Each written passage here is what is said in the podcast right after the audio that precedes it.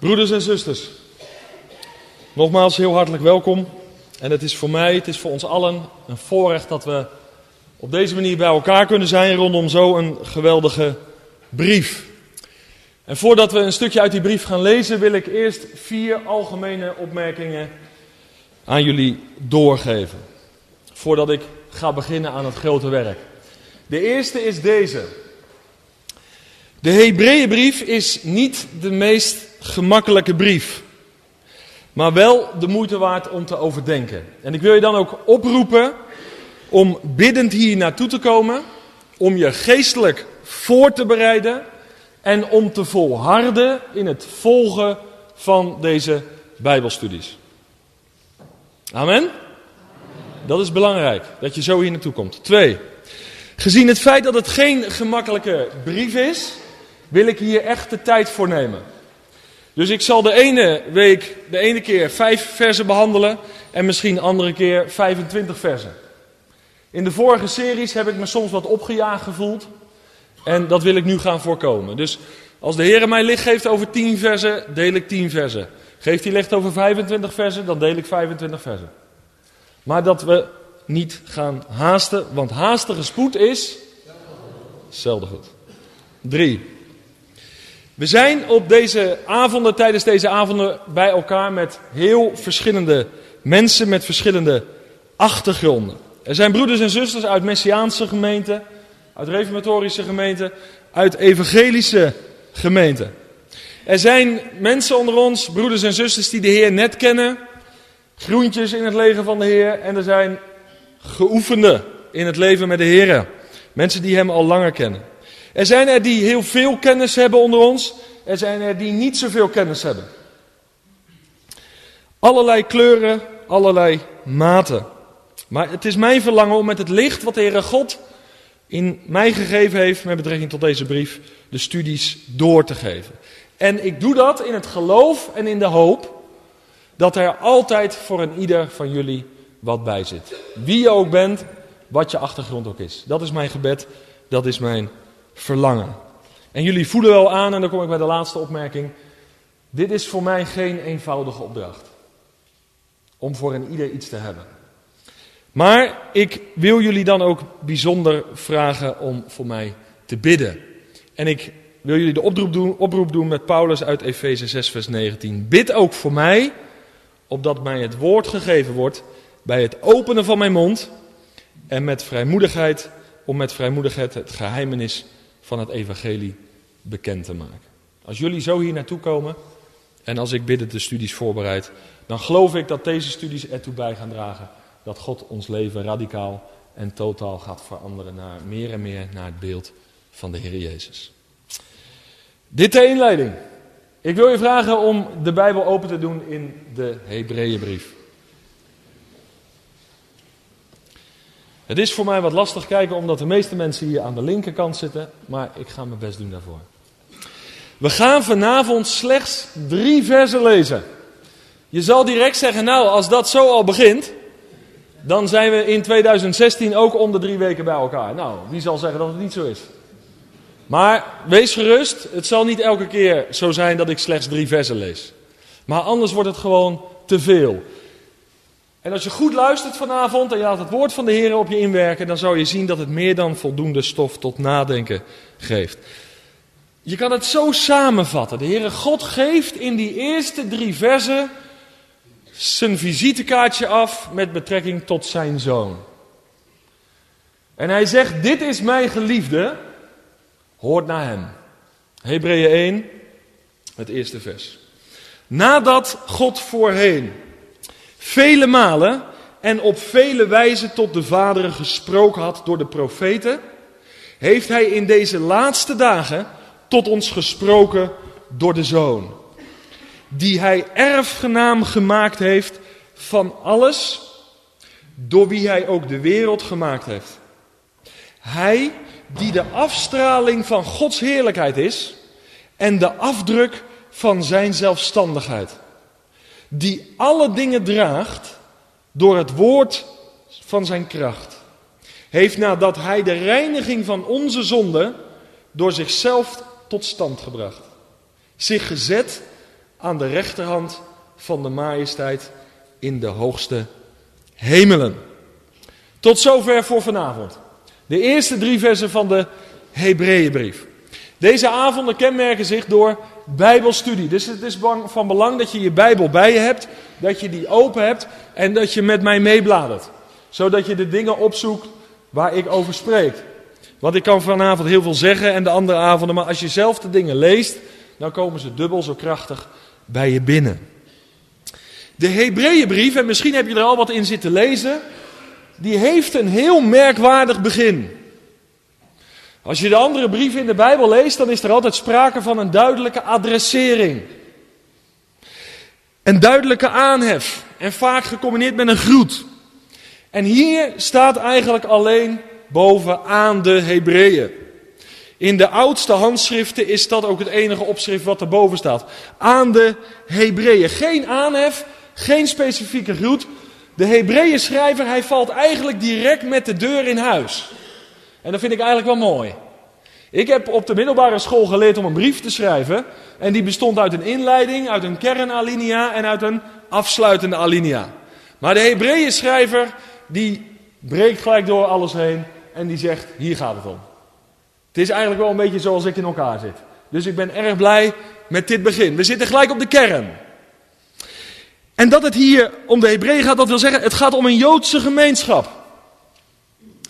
En dat het om een Joodse gemeenschap gaat, dat zal al snel duidelijk gaan worden bij de behandeling van deze brief. Daar komen we snel genoeg achter.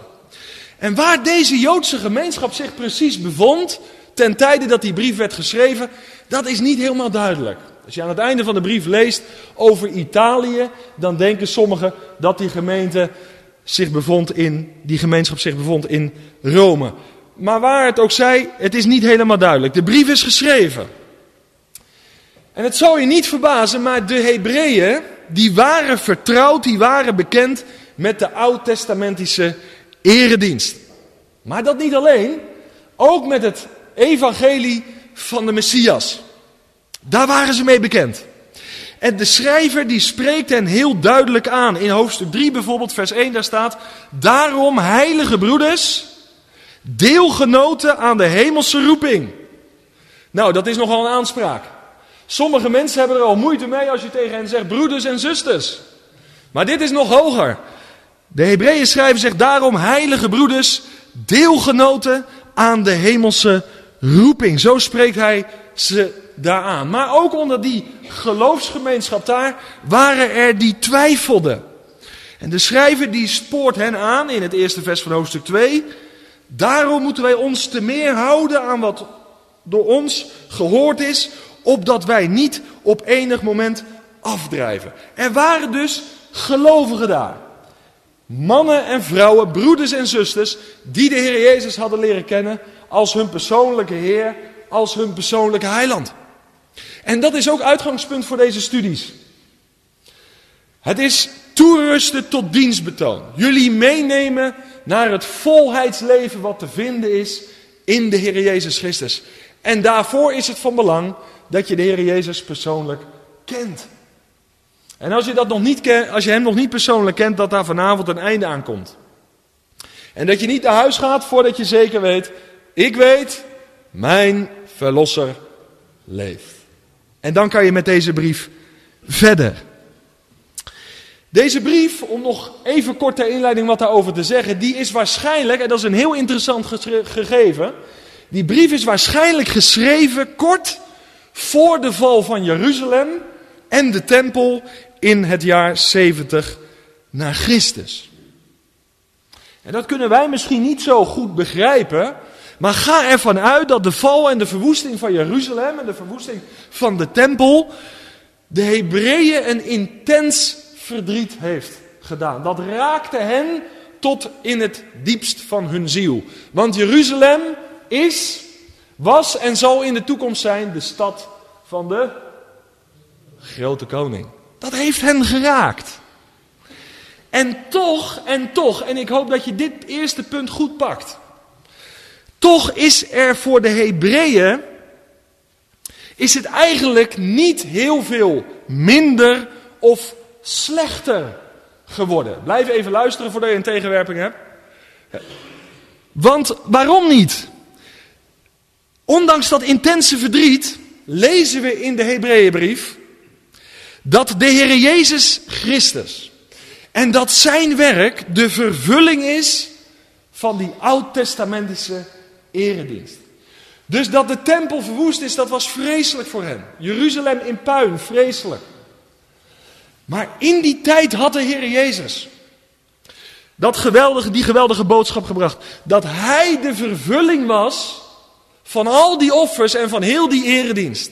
Dus in Hem hadden zij hun volle verzadiging kunnen vinden. Dat moet je even goed vasthouden.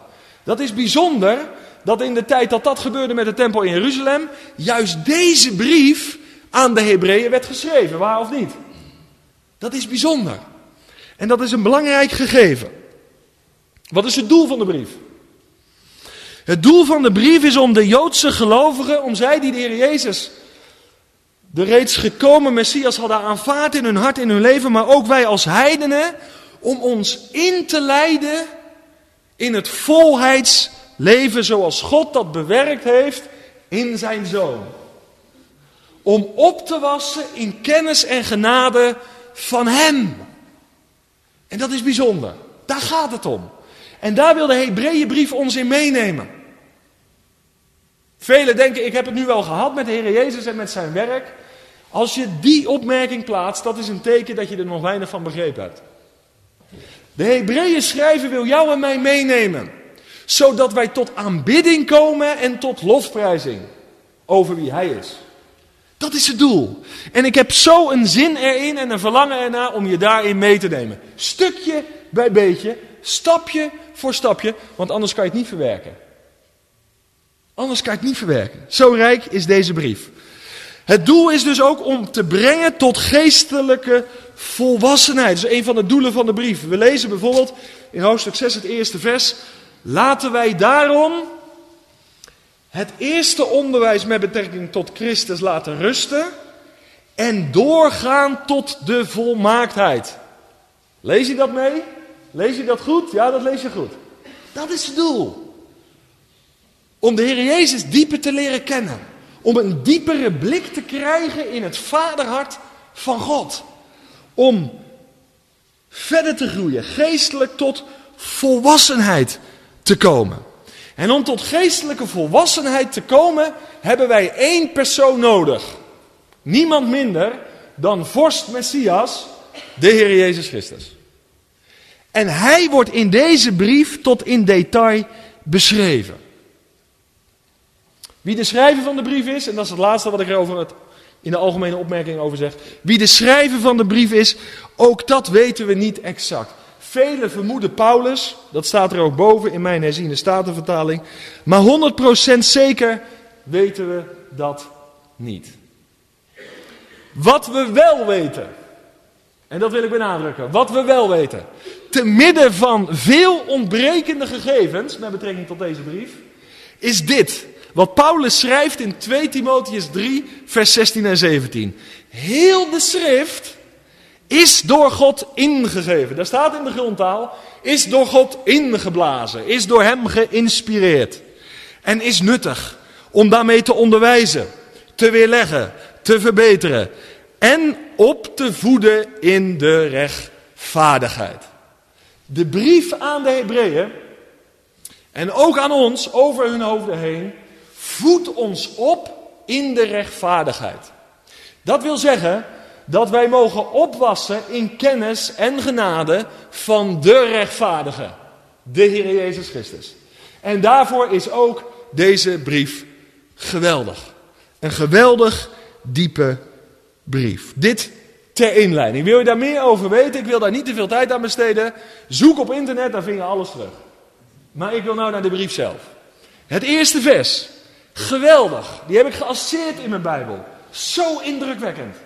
Wat staat daar? Nadat God voorheen vele malen en op vele wijzen tot de vaderen gesproken had door de profeten, heeft hij in deze laatste dagen tot ons gesproken door de Zoon. Nou, dat is echt een tekst om te asseren in je Bijbel. Dat is zo belangrijk.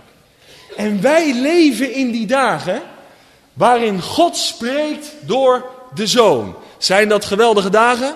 Zijn dat bevoorrechte dagen? Dat zijn zeer bevoorrechte dagen. God spreekt vandaag tot ons door zijn Zoon. Dit zegt allereerst het volgende. De God van de Bijbel is de levende. En heel het volk zei: Amen. Dat is belangrijk. Daar begint de Hebreeënbrief mee. De God van de Bijbel, de God van Abraham, Isaac en Jacob, is de levende. En het is hoog tijd dat de christenheid vandaag dat proclameert. En zodanig gaat leven. En omdat hij leeft, spreekt hij ook. En daar ben ik ontzettend blij mee. Dat God te spreken is. Dat wil zeggen, hij maakt zich bekend. Hij heeft tekst en uitleg gegeven van wat er in zijn hart is. Hij heeft zijn gedachten niet voor zichzelf gehouden. Hij heeft geen kwade gedachten. Maar hij heeft gedachten van hoop. Van uitzicht, van toekomst, van verwachting. En zijn hart heeft de Heere God met deze mensheid gedeeld. En dat is bijzonder. De God van de Bijbel is geen dode God, maar is een levende. En omdat hij leeft, openbaart hij zichzelf en hij spreekt. En over dat spreken van God lezen we al in het begin van de Bijbel.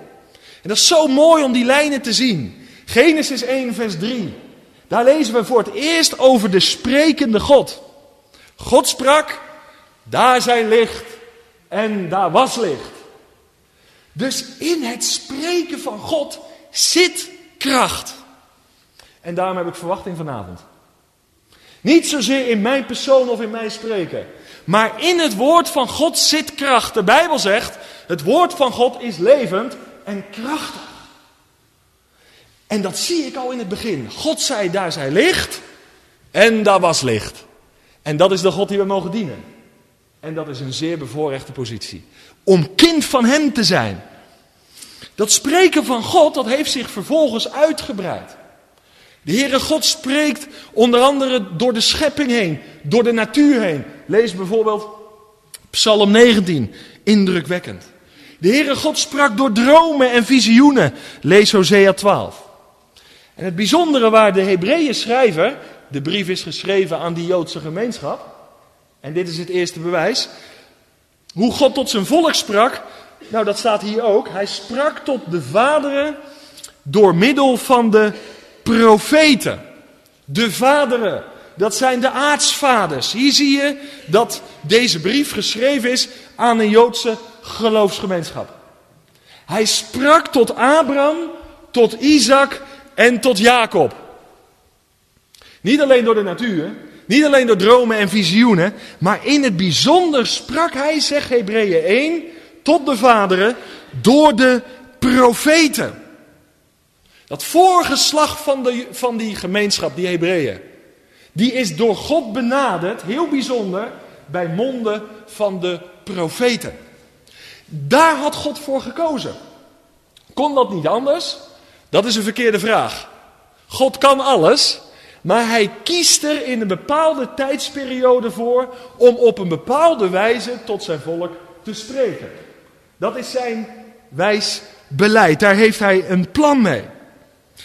En dat spreken van God, dat deed hij door de profeten. Dat wil dit zeggen, door middel van de profeten. Bij monden van de profeten. Die profeten die waren het kanaal om tot zijn volk te spreken. Even terzijde, wat is een profeet?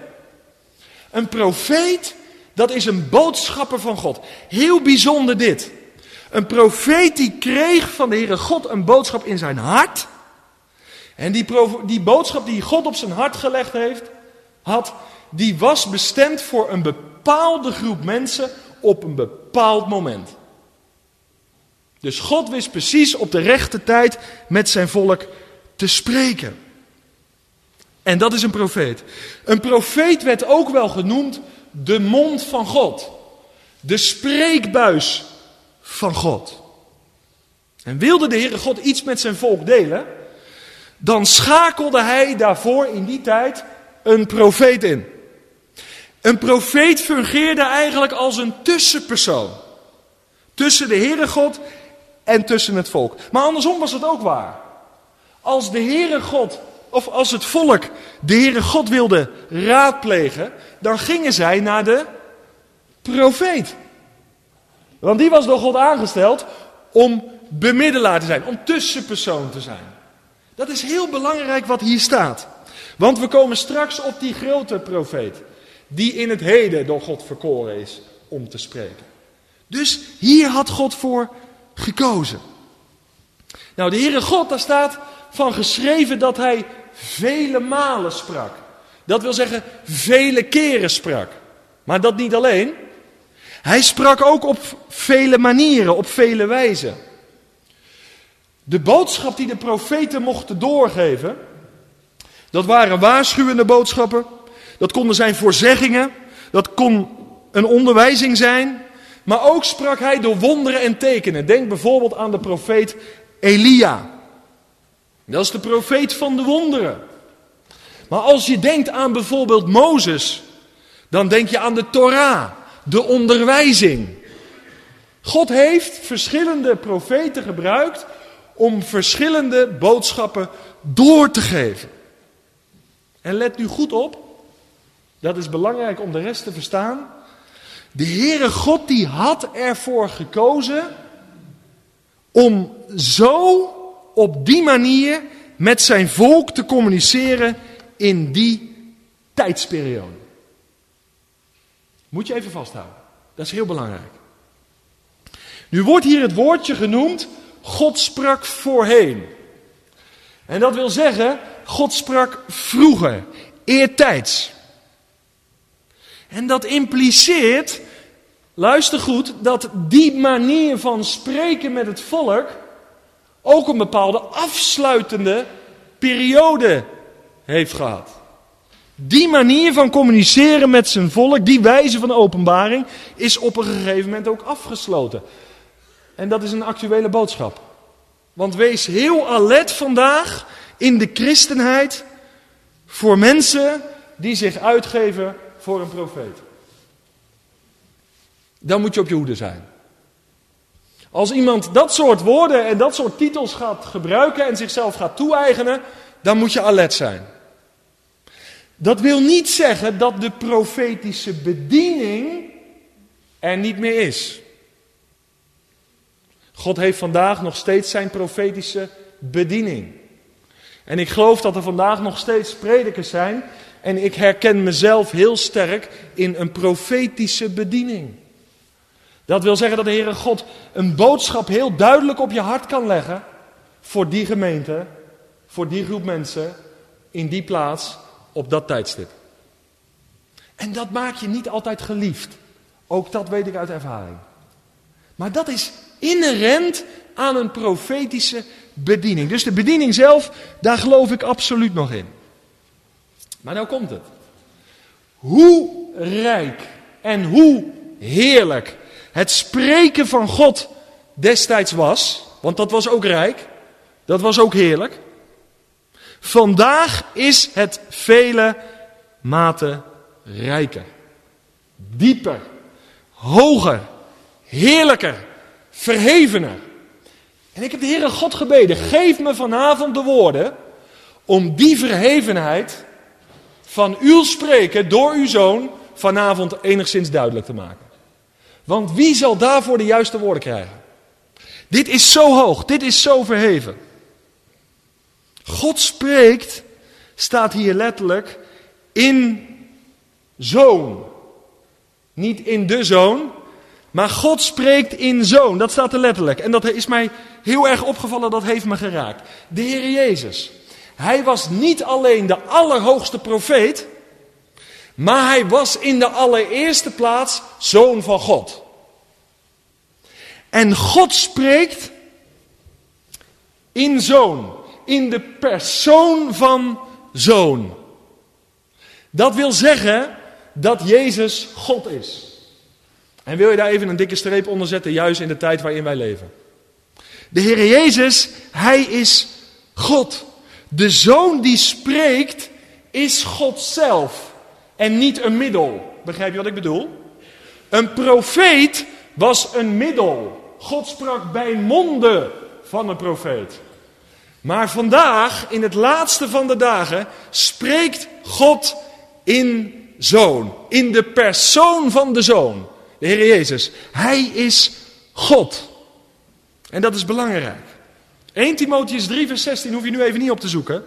Maar zegt dit. Het geheimenis van de godsvrucht is groot. God is geopenbaard in vlees. Dat is de Hebreeënbrief. En in dat mysterie wil de Heere God je de komende tijd in gaan leiden. Dit is een mysterie. Dit is een verborgenheid die onthuld is. Blader met mij naar het Johannesevangelie.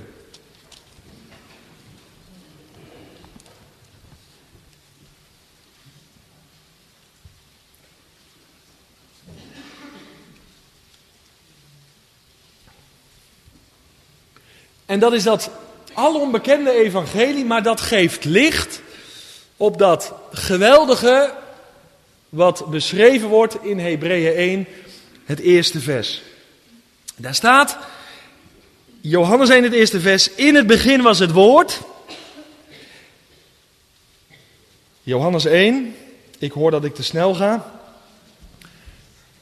In het begin was het woord en het woord was bij God en het woord was God. Als je nou eens voor het woord de Heer Jezus invult. In het begin was de Heer Jezus en de Heer Jezus was bij God en de Heer Jezus was God. Amen? Dat is rijk, dat is mooi. Zo openbaart God dit. En dan zegt vers 2, dit was in het begin bij God. En dan vers 14. En het woord, de Heer Jezus is God, is vlees geworden. En heeft onder ons gewoond. Daar staat in de grondtaal, hij heeft onder ons zijn tent opgeslagen, getabernakeld. Hij is een van ons geworden. God verlangde om te midden van zijn volk te wonen. Dat is in de Heer Jezus openbaar geworden. God had, de Vader had een verlangen in zijn hart. En dat heeft hij waargemaakt. Geen woorden maar, daden. God heeft de daad bij het woord gevoegd. En het woord is vlees geworden en heeft onder ons gewoond. En dat niet alleen. Ik hoop dat je van harte amen zegt op hetgeen wat nu komt. En wij hebben zijn heerlijkheid gezien. Een heerlijkheid als van de enige geborene van de Vader, vol van genade en vol van waarheid. Hier gaat het over in Hebreeën 1 vers 1. Het woord is vlees geworden. En je kent allemaal die geschiedenis wel, dat die stem op een gegeven moment uit die wollen komt. Dat vind ik zo indrukwekkend. En die stem die spreekt en zegt, deze is mijn geliefde zoon, in wie ik welbehagen heb, hoort hem. Hier heb je het. De vader is zo trots op zijn zoon, is zo blij met zijn zoon. Hij is het welbehagen van zijn vader. Je moet voor jezelf eens nalezen Spreuken 8 thuis. Dat is een heel prachtig hoofdstuk. Daar zie je de intimiteit en de blijdschap en de heerlijkheid die er was voordat de Heer Jezus kwam naar de aarde. Voordat hij vlees was. Hij was het troetelkind van zijn vader. Hij was zijn lieveling. Daar was zo'n intimiteit. Hij heeft welbehagen in zijn zoon. En die zoon die hij lief heeft, die hij lief had en die tot in eeuwigheid lief zal hebben, die heeft hij weggeschonken aan een wereld verloren in zonde en schuld. Dat is zijn zoon. Een lied uit opwekking zegt, God heeft de hemel leeggeschonken. Dat is het. God is mens geworden. Ons in alles gelijk geworden. Uitgenomen de zonde. Het woord is vlees geworden. En nu moet je even naar Johannes 5 bladeren, iets verderop. En het gaat allemaal nog over de openbaring van God in de persoon van Jezus. Want nu komt het. Daar geeft de Heer Jezus onderwijs. En als de Heer Jezus zegt voorwaar, voorwaar, dan moet je op gaan letten. En wat zegt hij in Johannes 5, vers 25? Voorwaar, voorwaar, ik zeg u. De tijd komt en is nu dat de doden de stem van de Zoon van God zullen horen. En dat wie hem horen, die stem, die zullen leven. God heeft in zijn Zoon leven aan het licht gebracht. En dat leven wat in God was, heeft hij niet voor zichzelf gehouden. Maar dat heeft hij uitgedeeld. En daar mogen wij in delen. Door het geloof hebben we deel gekregen aan de goddelijke natuur. Je zal zeggen, het is veel te hoog voor mij, ik begrijp het niet. Hier staat er nog een voor die het ook niet begrijpt. Maar ik bewonder het, ik aanbid hem, ik loof hem, ik prijs hem. Hoe is dat mogelijk geworden? Door niemand minder dan door de Heer Jezus Christus. De Zoon. De Hebreeënbrief geeft een visitekaartje af van wie de Zoon is. En dat is zo geweldig. De Heer Jezus Christus. Het is de overkoepelende titel, het overkoepelende thema van al deze series. De Heer Jezus Christus, Hij overtreft alles en iedereen. En over Hem gaat het. Van Genesis 1 tot Openbaring 22. En wees er alert op. Luister goed. Dat het in je persoonlijk leven en in je huwelijk en in je gezinsleven en in de gemeente waartoe je behoort, dat het altijd gaat om Hem en om niemand anders. En 9 van de 10 keer waar het fout gaat in levens en in gemeenten, gaat het niet meer om deze persoon. Van wie de Heere God gezegd heeft, heeft deze is mijn geliefde, in wie ik welbehagen heb. Hoort naar hem. Hij is de centrale figuur, niet alleen in de Hebreeënbrief, maar van Genesis 1 tot en met Openbaring 22. En in de Bijbelse feesten, in heel de offerdienst, in heel de oud-testamentische eredienst, daar zien we als schaduwen van hem die komen zou. Grotendeels vervuld, maar deels ook nog niet vervuld. In de Heer Jezus Christus hebben we dus niet meer te maken met een schaduw, maar met een werkelijkheid. En God wil ons inleiden in deze werkelijkheid, in deze realiteit. Hij die beloofd was, is gekomen. Van hem werd gezegd dat hij een groot werk zal gaan verrichten. En hij heeft uitgeroepen, het is volbracht. En hij heeft een naam gekregen boven alle naam. En hij heeft een plaats gekregen waar geen hogere plaats te vinden is. Aan de rechterhand van de Vader, op de troon. En dat is zo geweldig als je dat tot je gaat nemen. En nu het laatste van vers 1. Daar wordt gesproken over de laatste dagen. De laatste dagen, dat is natuurlijk een heel ruim begrip. Maar ik geloof dat het in ieder geval hierover gaat. Dat gaat over de eindtijd. En dan kan je natuurlijk zeggen, wanneer is die tijd begonnen? Wanneer zijn die laatste dagen begonnen? Wanneer is die eindtijd begonnen? Nou, zoals hij wegvoer, zo zal hij terugkomen. Hemelvaart. Handelingen. Je kent het de geschiedenis. Zijn voeten op de olijfberg toen hij vertrok. En straks, Zacharia 14, hij zal terugkomen. Wederom zijn voeten zetten op de olijfberg. En hij zal het rijk van vrede en gerechtigheid gaan aanvangen. En hij zal regeren met een gouden scepter. De laatste dagen, de eindtijd. En de Hebreeën, die hadden natuurlijk het Eerste Testament, het Oude Testament. Dat begrijp je. En als het gaat over de laatste dagen, dan had dat altijd vanuit het Eerste Testament betrekking op het Messiaanse vrederijk. Daar werkt God op aan. En dat wil ik toch vanavond benadrukken. En God spreekt in deze laatste dagen door de Zoon. In het licht van het komende Messiaanse vrederijk moeten wij er acht op geven wat Jezus heeft gezegd. En wat was de prediking van de Heer Jezus? Dat was dit, voor de schrijvers onder ons, Marcus 1 vers 15. Bekeert u en geloof het evangelie, want het koninkrijk van God is nabijgekomen.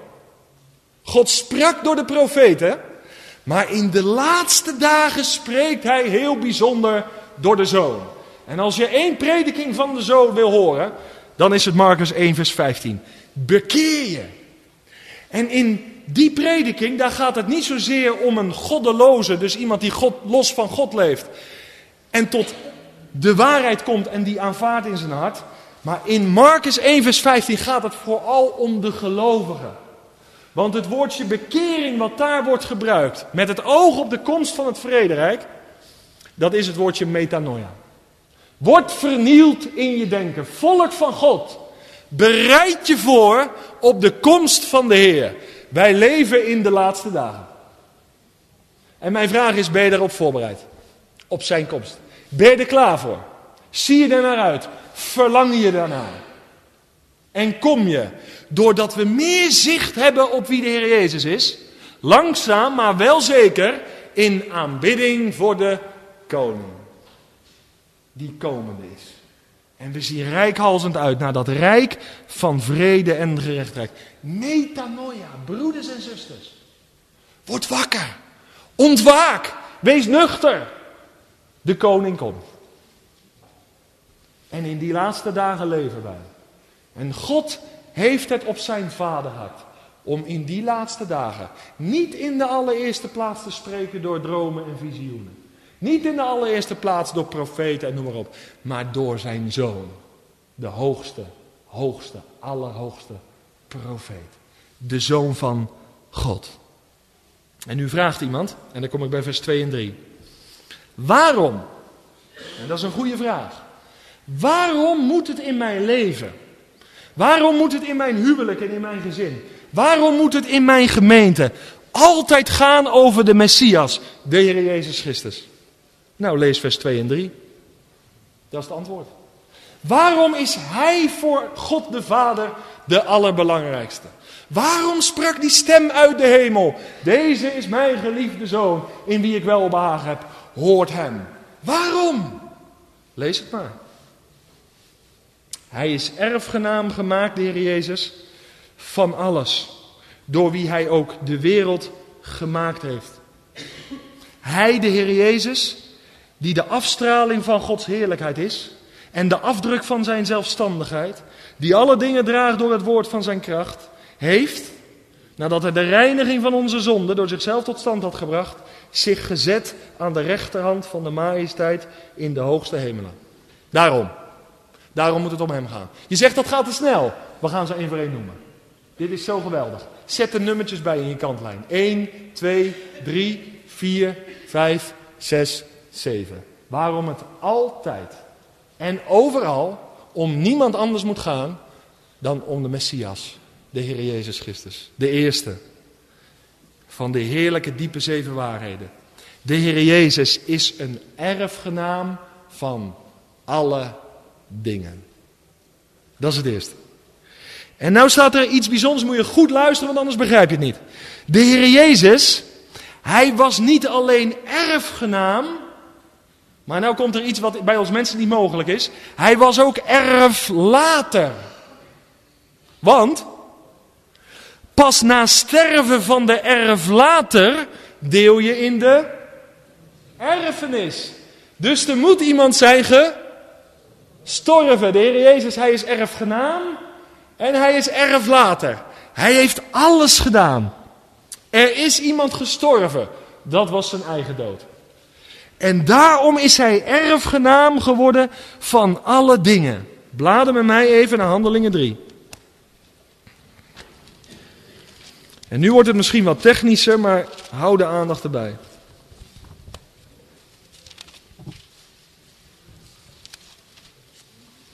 Handelingen 3.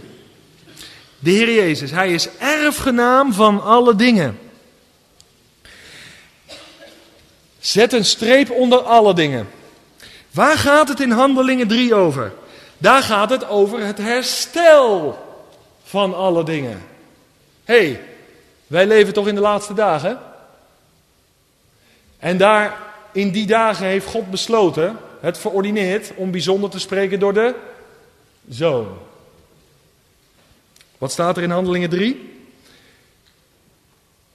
Vers 19. Kom dus tot inkeer en bekeer u, opdat uw zonden uitgewist worden en er tijden van verkwikking zullen komen van het aangezicht van de Heer. Daar komt hij. En hij zal Jezus Christus, en hij, Jezus Christus, zal zenden, die tevoren aan u verkondigd is. Hem moet de hemel ontvangen tot de tijden waarin alle dingen worden hersteld, waarover God gesproken heeft, bij monden van al zijn heilige profeten door de eeuwen heen. Hey, voorheen, vroeger, destijds sprak God door de profeten. Hier staat het. Maar er komt een moment dat God gaat vervullen het herstel van alle dingen. En dan gaan we verder. Vers 22. Want Mozes heeft tegen de vaderen gezegd: De Heere uw God, zo mooi, lees goed, zal voor u een profeet, in mijn Bijbel met een hoofdletter, op laten staan uit uw broeders. Uit welk volk komt de Heer Jezus voort? Uit het Joodse volk. Uit uw broeders zal ik een profeet. Oh ja, zeker. Ik heb door de eeuwen heen, in het verleden, gesproken door de profeten. Zij hebben u onderwezen. Zij waren mijn spreekbuizen. Ik heb mijn hart met hen gedeeld en zij mochten doorgeven. Maar er komt een tijd dat er een profeet uit uw broeders op zal staan. De Messias komt uit het volk Israël voort. En hier zien we de Heer Jezus opkomen. Zoals ik. En dan vervolgt hij, naar hem moet u luisteren in alles wat hij tot u zal spreken. Deze is mijn geliefde zoon, in wie ik welbehagen heb, hoort hem. In de laatste dagen zal ik spreken door mijn zoon. En hier staat, op het moment dat God komt tot het herstel van alle dingen, zal hij een profeet laten opstaan, die tot ons zal spreken. En naar hem hebben wij te luisteren. Het herstel van alle dingen, dat gaat straks gebeuren.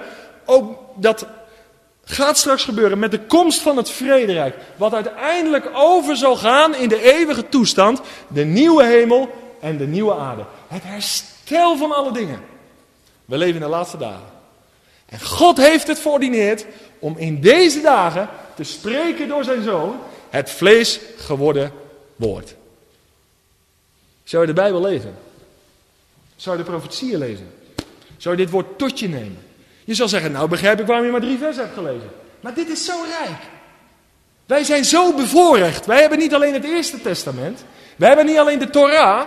Wij hebben 66 Bijbelboeken. Genesis 1 tot en met Openbaring 22. Openbaring van wie God is. Tekst en uitleg over zijn heilsplan. Dat is geweldig. Had je liever onder het oude verbond geleefd of onder het nieuwe verbond? Nou, ik zal, geen, ik zal niet vragen hoe je vinger op wil steken. Maar velen weten het niet. Wij leven in een zeer bevoorrechte tijd.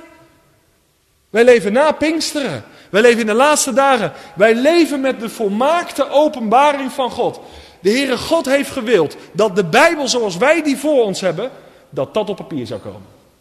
En wij hebben die volledige Bijbel. En daarom is dat kinderliedje zo mooi. Lees je Bijbel. Bid elke dag dat je groeien mag. Ook geestelijk. Maar kennen we onze Bijbel nog? Is het je eten en je drinken en zeg je het met Jeremia, toen uw woorden tot me zijn gekomen, toen heb ik ze opgegeten. Daar gaat het om. En dan wordt het een levend boek. En ik heb het vaak gezegd en ik zeg het vanavond weer. Het heeft me zo diep geraakt. De broeder die ons destijds gedoopt heeft, die zei altijd, als je met God leeft, beleef je altijd wat. En daar wil ik je meenemen. Want het lijkt wel of zo weinig christenen nog iets beleven vandaag. Maar God is de levende. Hij is de sprekende. En heel bijzonder in de laatste dagen spreekt hij door zijn zoon. Wat heeft God vandaag tegen je gezegd? Heb je al met hem gesproken? Hij heeft een overvloed van woorden. En ik bid soms voor gemeenten waar ik kom. Niet doe dit of dat, maar doe één ding. Voed hen met een honger en dorst naar u. Want dan heeft u wat weg te geven en dan kunt u, kunt u hen vullen. Het woord van God is levend en krachtig. Het herstel van alle dingen. De Heer Jezus is erfgenaam geworden van alles. En het herstel van alle dingen wil dit zeggen. Dat de Heere God uiteindelijk alles en iedereen gaat onderwerpen aan de heerschappij van zijn zoon. Dat is uiteindelijk het plan. Alle dingen. Elke knie zal zich gaan buigen. Jezus is niet via een achterdeur weggegaan, maar hij zal komen met macht en majesteit. En de groten der aarde zullen hem eer, hulde en aanbidding gaan brengen. Dat is die vorst Messias. En ik wil je bemoedigen, ik kan het niet meer lezen, ga ik niet doen, Romeinen 8, vers 16 en 17. Weet je, in Christus, zegt Paulus, ben je ook erfgenaam geworden. Amen? Daar wil ik je mee bemoedigen. Christus is erfgenaam van alle dingen. Maar ik vind het zo geweldig. Ik had al genade van hem gekregen. Ik ben behouden. Maar hij laat me ook nog delen in zijn erfenis. Nou, dat mag je zelf gaan uitzoeken wat dat inhoudt. Maar Romeinen 8, vers 16 en 17 getuigt daarvan. Ook wij zijn in Christus erfgenaam geworden. Hij was eerst de enige geborene van de Vader, de eerstgeborene van de Vader, maar er zijn er meerdere gevolgd. En jij en ik behoren tot datzelfde huisgezin. Prijs de Heer. Twee. Er wordt nog een heerlijke waarheid genoemd. De Heer Jezus is niet alleen erfgenaam van alle dingen, maar de Heer Jezus is ook de schepper van alle dingen. Dat is bijzonder. En dat zie je al in het begin, Genesis 1. Kom, laat ons mensen maken. Meervoud. En dat dat een geheimenis is en een mysterie van harte. Maar het is zo. Kom, laat ons mensen maken. Johannes 1, vers 3 zegt: Zonder dit woord, de Heer Jezus, is geen ding gemaakt dat gemaakt is. En ook Colossense 1, vers 16 zegt dat. Dat was het tweede. De Heer Jezus is ook schepper. Zou je dat nooit vergeten? Drie. Dat is een moeilijke. De Heer Jezus, Hij is ook de uitstraling van Gods heerlijkheid. En om dat uit te leggen, gaat elk voorbeeld mank. Maar je weet het effect van een reflector, hè? Hou dat maar even voor je. Een reflector waar licht op valt en dat straalt weer door. Een reflector. Dat is ook het woordje wat voor uitstraling in de grondhoud in het Grieks wordt gebruikt. Hij is een reflector. Hij is de uitstraling van de heerlijkheid van wie God is. Dat vind ik altijd zo mooi dat Heer Jezus dat zegt. En daar prijs ik hem voor, daar dank ik hem voor. Johannes 14, vers 9. Wie mij gezien heeft, die heeft de Vader gezien. Wil je de Vader leren kennen? Zie op mij. Wil je een blik krijgen in het vaderhart van God? Je hoeft niet in de hemel op te klimmen. Dank u wel.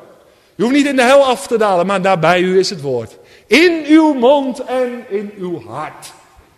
God woont door zijn geest in mij. De Heer Jezus, de uitstraling van Gods heerlijkheid. De Colossense 1 vers 15 zegt dit. De Heer Jezus, Hij is het beeld van de onzichtbare God. Hij is het plaatje.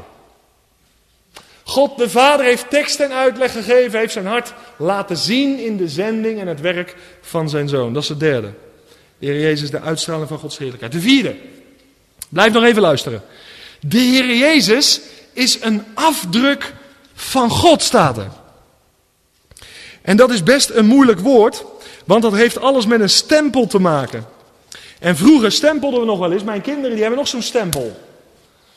Maar er wordt niet zoveel meer gestempeld. Vroeger hè, bij de notaris of wat dan ook. Dus je had een stempel. Die stempel werd gedrukt in het inkt. En vervolgens werd die op het papier gezet. En als je dan op die stempel keek. En je keek naar de stempelafdruk. Dan was dat identiek. Dus je hebt de stempel zelf. En je hebt de stempelafdruk. God de Vader is de stempel.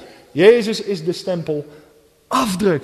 Wat geweldig. Het karakter en het wezen van de zoon is identiek aan het karakter en het wezen van de vader. Dat is hetzelfde. Hij is een afdruk. God is één, maar onderscheiden in drie goddelijke personen. En dit is niet alleen een waarheid die je vindt in het tweede, in het Nieuwe Testament, maar dit is een waarheid, de drie die kom je al tegen in het Oude Testament. Onder andere met het woordje Elohim.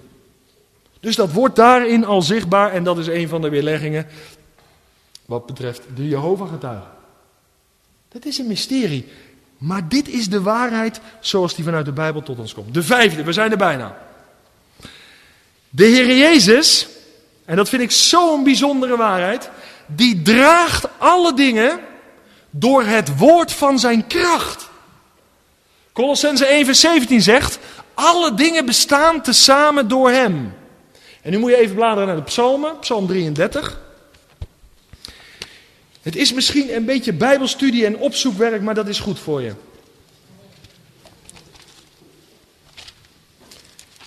Colossensebrief die zegt daar mooie dingen over wat ik net citeerde. Alle dingen bestaan tezamen door Hem. En wat zegt Psalm 33?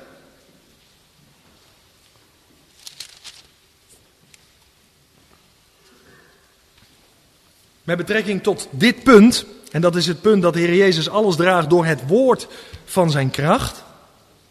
Er staat in Psalm 33, vers 6: Door het woord van de Heer is de hemel gemaakt. Nou, dat heb ik hier laten zien, hè?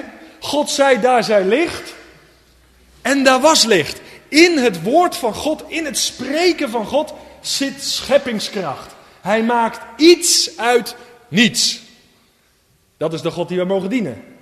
Dat is de, God met wie wij intimiteit mogen hebben. En dan vervolgt de psalmdichter door de geest van zijn mond heel hun legermacht. En dan pakken we het even op in vers 9. Want hij spreekt en het is er. Hij gebiedt en het staat er. En dit is belangrijk wat ik ervan wil zeggen. Gods woord wekt leven. Maar dat niet alleen. God onderhoudt ook het leven. Dat is mooi, hè? Ik kom tuinen tegen die zijn aangelegd door een hovenier. Prachtig, indrukwekkend. Maar de mensen die die hovenier hebben laten komen en hebben betaald, hebben zelf geen verstand van tuinieren. Het zit niet in hun bloed. En dan leggen ze het mooi aan, maar na verloop van tijd verwaarloost het. Wordt niet onderhouden. Er is iets moois gemaakt, maar het wordt niet intact gehouden.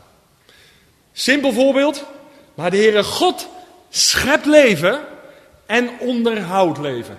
Dit deed hij als schepper, en luister goed, dit doet hij ook als herschepper. Hij sprak zijn woord tot mij. En wie het woord van de wie de stem van de Zoon van God gehoord heeft, die zal leven. Zijn woorden in het begin in Genesis waren levendwekkend. En hij onderhoudt de schepping. Maar hij is ook mijn herschepper. Hij heeft tot mijn hart gesproken. En ik heb daarop gereageerd. Hij heeft mij leven gegeven en hij draagt mij door het woord van zijn kracht. Hij spreekt tot mijn bemoediging. Door de belofte die in Christus Jezus ja en amen zijn. Dat vind ik zo geweldig. God maakt iets, hij schept iets, maar hij onderhoudt het ook. En daarom houden we het vol, broeders en zusters. Hij draagt alle dingen, de schepping en zijn schepselen, door het woord van zijn kracht. Zie je nu hoe rijk het woord van God is? En daarom moeten we de smaak van de omgang met het woord weer te pakken gaan krijgen. Ik ben er echt van overtuigd. Terug naar het woord klinkt altijd clichématig. Maar ik geloof dat het een waarheid is als een koe. Maar hoeveel christenen doen dagelijks nog hun Bijbel open? Dit woord is levend en krachtig. Veel mensen die verandering in hun leven willen, laten hun de handen opleggen. Of gaan naar een of andere spectaculaire geestelijke samenkomst. Waar meer geestelijk amusement is dan dat het woord open gaat. De Bijbel zegt, het woord van God is levend en krachtig. Dat verandert mij van binnenuit. Het maakt mij een totaal nieuw mens. Broeders en zusters, laten we dat woord weer tot ons nemen. Want God draagt alles, de Heer Jezus, door het woord van zijn kracht. De zesde. Bladen naar Filippenzen 2. De ene laatste. Daar staat geschreven, de Heer Jezus, Hij is ook onze verlosser. Alsof het nog niet genoeg is, krijgen we dit er ook nog bij. Geweldig. Filippenzen 2. Wat staat daar in het vijfde vers? Laat daarom die gezindheid in u zijn die ook in Christus Jezus was. Ik geloof op grond van de Bijbel dat het getuigenis wat God gaf over zijn zoon, deze is mijn geliefde, dat dat vandaag het getuigenis kan zijn over u, jou en mijn leven. Dat hij in ons, en dat is natuurlijk deels en dat is een proces, ik begrijp het allemaal maar dat hij in ons de gezindheid van de Heer Jezus gaat zien. Is dat wonderlijk of niet? Dat je karakter meer en meer veranderd wordt naar het karakter van de Heer Jezus. Paulus roept de gemeente op, laat daarom die gezindheid in u zijn die ook in Christus Jezus was. Die. hoewel hij in de gestalte van God was, daar hebben we het over in de Hebreeënbrief, het niet als roof beschouwd heeft aan God gelijk te zijn, maar zichzelf ontledigd heeft door de gestalte van een slaaf aan te nemen en aan de mensen gelijk te worden. En in de gedaante als mens heeft hij zichzelf vernederd en is gehoorzaam geworden tot de dood, ja de dood van het kruis. Hier zie je heel Hebreeën 1. Zo indrukwekkend, zo geweldig. En om die verlossing, broeders en zusters, en om die reiniging teweeg te brengen, moest God mens worden. En hier zie je de heerlijkheid van de Heer Jezus als mens. Dat is een rijkdom. Dat is geweldig. We gaan naar de laatste, de zevende. De Heer Jezus. Waar in de Hebreeënbrief over verteld werd. Waarover gesproken werd. Die onderwezen werd. Die voorgesteld werd. Die heeft tenslotte de allerhoogste plaats ingenomen. En dat is het zevende punt wat de Hebreeën schrijver in het derde vers noemt. De Heer Jezus heeft de allerhoogste plaats ingenomen. De rechterhand, dat wil zeggen de meest eervolle plaats. De Heer Jezus. Hij is de hoogste profeet, de hoogste priester, de hoogste koning. En daar gaat de Hebreeënbrief over. In de Hebreeënbrief wordt zo de focus op de Heer Jezus gelegd, zo de schijnwerpers op Hem. Belangrijke woorden in de Hebreeënbrief is het woordje beter, dat komt 13 keer voor, en het woordje volmaakt, en dat komt 14 keer voor. Daar gaat het om. En dat is alles door de Heer Jezus Christus. En tenslotte heeft Hij ook die heerlijke plek gekregen, die allerhoogste plek, bij zijn vader die sprak, deze is mijn geliefde. Daar heeft hij een naam van gekregen boven alle naam. En elke knie zal voor hem gaan buigen, maar hij heeft nu reeds die eervolle plaats ingenomen. Hij is profeet, priester en koning. En als je dan leest verder in Filippenzen, vers 9, hoofdstuk 2, vers 9. Daarom, en daar sluiten we mee af, heeft God hem ook bovenmate verhoogd en heeft hem een naam geschonken boven alle naam op dat. Met als doel, in de naam van Jezus, zich zou buigen. Elke knie van hen die in de hemel en die op de aarde zijn en die onder de aarde zijn. En elke tong zou beleiden dat Jezus Christus de Heer is. Nou komt hij, tot heerlijkheid van de Vader. Onthoud dit goed. Het werk van de Heer Jezus Christus trekken wij veel te snel naar ons persoonlijk toe. Hij is voor mij naar de wereld gekomen. Voor mijn zonde is hij gestorven. Voor mij is hij opgestaan. Maar dat is niet het eerste doel. Onthoud dat goed. Dit is zo egocentrisch. Maar het is veel dieper, veel rijker. Het werk van Christus Jezus is allereerst om de Vader te verheerlijken. Is dat niet geweldig? Hij sprak in Hebreeën 10, Vader, hier ben ik, om uw wil te gaan doen. En die wil heeft de zoon volkomen uitgevoerd. En aan het einde van de rit heeft de Heere God gezegd, en nou ga ik je naam geven boven alle naam. Ik ga je een plek geven boven alle plekken die mogelijk zijn in de hoogste hemelen. En hij staat op het punt om terug te komen. Met macht en met majesteit. Dan niet meer als het lam, maar als de leeuw. Uit de stam van Juda. Heere de heren. Koning der koningen. Zeven heerlijke, diepe waarheden over de Heer Jezus. Waarom het altijd en overal om Hem moet gaan. En het is zo mijn gebed. Ik ga stoppen. Dat je hiervan onder de indruk bent gekomen. Want wij mogen Hem kennen. Hoe? Door allerlei toeters en bellen en bijzondere ervaringen. Slechts door te geloven. Slechts door te vertrouwen. Hebben wij deel gekregen aan de Heer Jezus Christus. Wij zijn één plant met Hem geworden. En we hebben door het geloof een geweldige positie gekregen in de hemelse gewesten, boven elke macht en elke kracht en elke heerschappij. Amen. We hebben een nieuwe autoriteit gekregen. Een nieuwe identiteit gekregen. We zijn vrije mensen geworden door het geloof in de Heer Jezus Christus. We hebben hoop voor de toekomst. En omdat Hij leeft, hoef ik niet bang te zijn voor morgen. En nu zijn de mensen, ook vandaag in de christelijke gemeente, die zeggen: Ja, Jacques, ik heb het nu wel een beetje gehad met de Heer Jezus en zijn werk. Ik weet het wel. Ik weet het wel. Als je dat vanavond zegt, ga nou eens over andere thema's spreken, joh. Ik weet het nu wel. Dat is een teken dat je er nog weinig van begrepen hebt. En ik heb een bewijs. Toen de koningin van Sheba bij Salomo kwam, vind ik altijd zo indrukwekkend. Toen viel haar mond open. Ik had er graag bij willen staan. En toen ze alles zag en op zich in liet werken, toen zei ze: Salomo, de helft is me nog niet aangezegd. De helft nog niet.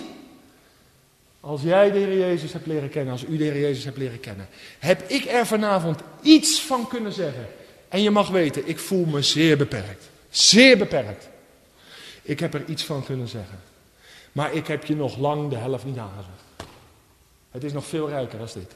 Nog veel dieper als dit. En in die heilgeheimen wil ik je meenemen. Hooglied 5, vers 16 zegt het, boek van Salomo. Alles aan hem is gans begeerlijk. Zulk één is mij liefste. En ik moest vanmiddag denken aan de woorden van Roy Hession, die het gezegd heeft. Let us see Jesus. That's where revival begin. Laat ons Jezus zien. En opwekking zal uitbreken. En ik geloof, broeders en zusters, en daar eindig ik mee, dat het in de christelijke gemeente vandaag te veel gaat om mensen. En om titels. En om personen en om gaven. En wat ik wel niet doe. En dat ik zoveel aandacht krijg. Maar waar is de Heer Jezus? Laat ons Jezus zien. Geef ons honger en een dorst naar Hem. En opwekking zal in Alblasserdam uitbreken. En daarom is mijn gebed. Naar aanleiding van deze drie versen. En het is echt een gedeelte uit mijn hart gegrepen. Voed ons met een honger en een dorst naar Hem. Van wie u gezegd heeft, deze is mijn geliefde zoon, in wie ik welbehagen heb. Hoort hem. De Heere zegen jullie. Amen.